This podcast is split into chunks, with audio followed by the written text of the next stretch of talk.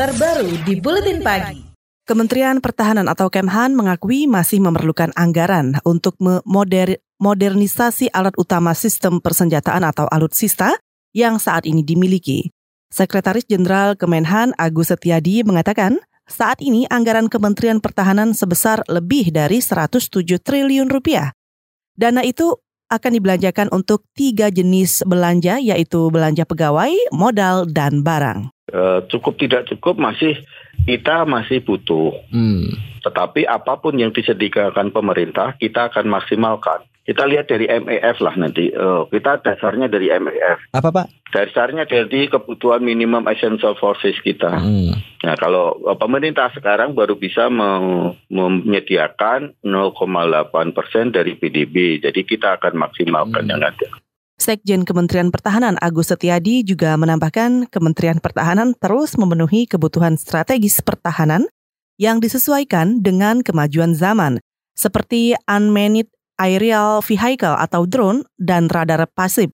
Pemenuhan ini dilakukan untuk mengoptimalkan anggaran yang diberikan pemerintah. Pembahasan soal dana pertahanan kembali mencuat usai debat keempat calon Presiden Joko Widodo dan Prabowo akhir pekan lalu. Pertahanan menjadi salah satu tema, selain keamanan dan hubungan internasional.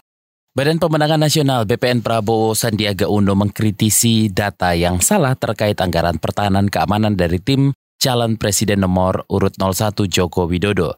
Karena itu menurut juru bicara BPN Daniel Simanjuntak mengatakan, jika terpilih Prabowo berjanji akan meningkatkan anggaran belanja alutsista, terutama di bidang kelautan. Nah itu yang tadi uh, dimaksud Pak Prabowo ini yang membisikkan ini harus menyampaikan informasi yang benar. Kenapa? Karena berbahaya ketika kemudian briefing disampaikan kepada seorang presiden keliru datanya. Tadi saya sepakat dengan Mbak Yeni, ke, apa keputusan juga bisa keliru. Apalagi ini terkait dengan pertahanan dan keamanan kita itu ber, berbahaya sekali.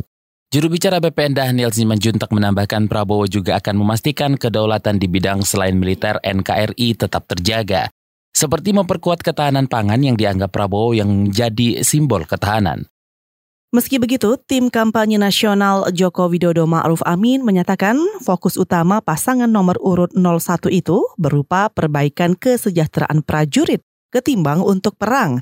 Juru bicara TKN Irma Suryani Caniagu mengatakan, skala prioritas pada pemerintahan Jokowi tidak lagi untuk pembelian alutsista, tapi memperkuat satuan pertahanan di wilayah perbatasan serta di divisi dan armada. Anggaran untuk untuk apa namanya untuk akar uh, TNI itu sekarang kan belum prioritas utama. Kenapa? Karena prioritas utama hari ini ada uh, kesejahteraan rakyat dulu gitu. Soal TNI tentu sudah diperhitung pemerintah dengan sekian persen dari uh, dari APBN. Juru bicara TKN Irma Caniago juga menambahkan selama ini anggaran pemerintahan Jokowi di bidang pertahanan keamanan sudah sesuai dengan kebutuhan TNI. Selain itu, menurutnya, sebagai pemimpin, Jokowi juga percaya dengan Panglima TNI Hadi Cahyanto dalam memberikan masukan terkait kebutuhan-kebutuhan TNI. Apalagi ketika ini perang tidak lagi dengan mengangkat senjata, tapi perang di bidang teknologi atau siber.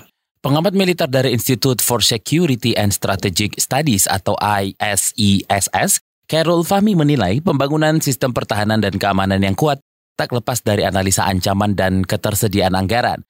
Karena itu menurutnya menyortir pembelian dengan dasar kajian ancaman lebih tepat dibanding membeli banyak alutsista dan al-matsus tanpa adanya dasar ancaman yang harus dilakukan adalah pendataan kebutuhan dan pendataan bentuk ancaman sehingga kemudian muncul prioritas-prioritas. Dari situlah kemudian disusun rencana bagaimana penahapan dilakukan untuk memenuhi kebutuhan alutsista kita. Jadi apa yang tidak bisa diselesaikan tanggal satu tahun anggaran ya tentu harus dilakukan penahapan. Nah penahapan agar tidak tidak menimbulkan ya persoalan artinya tidak juga berhenti di tengah jalan ya tentu harus ada perencanaan penahapannya termasuk juga komitmen pembiayaannya itu harus jelas.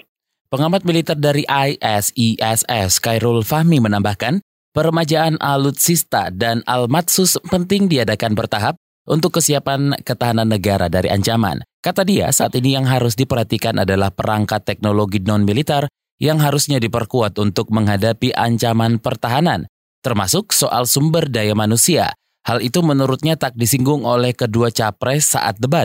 Padahal ada isu perwira pengangguran yang juga sangat penting untuk mendukung pertahanan dan keamanan Indonesia. KBR, inspiratif, terpercaya.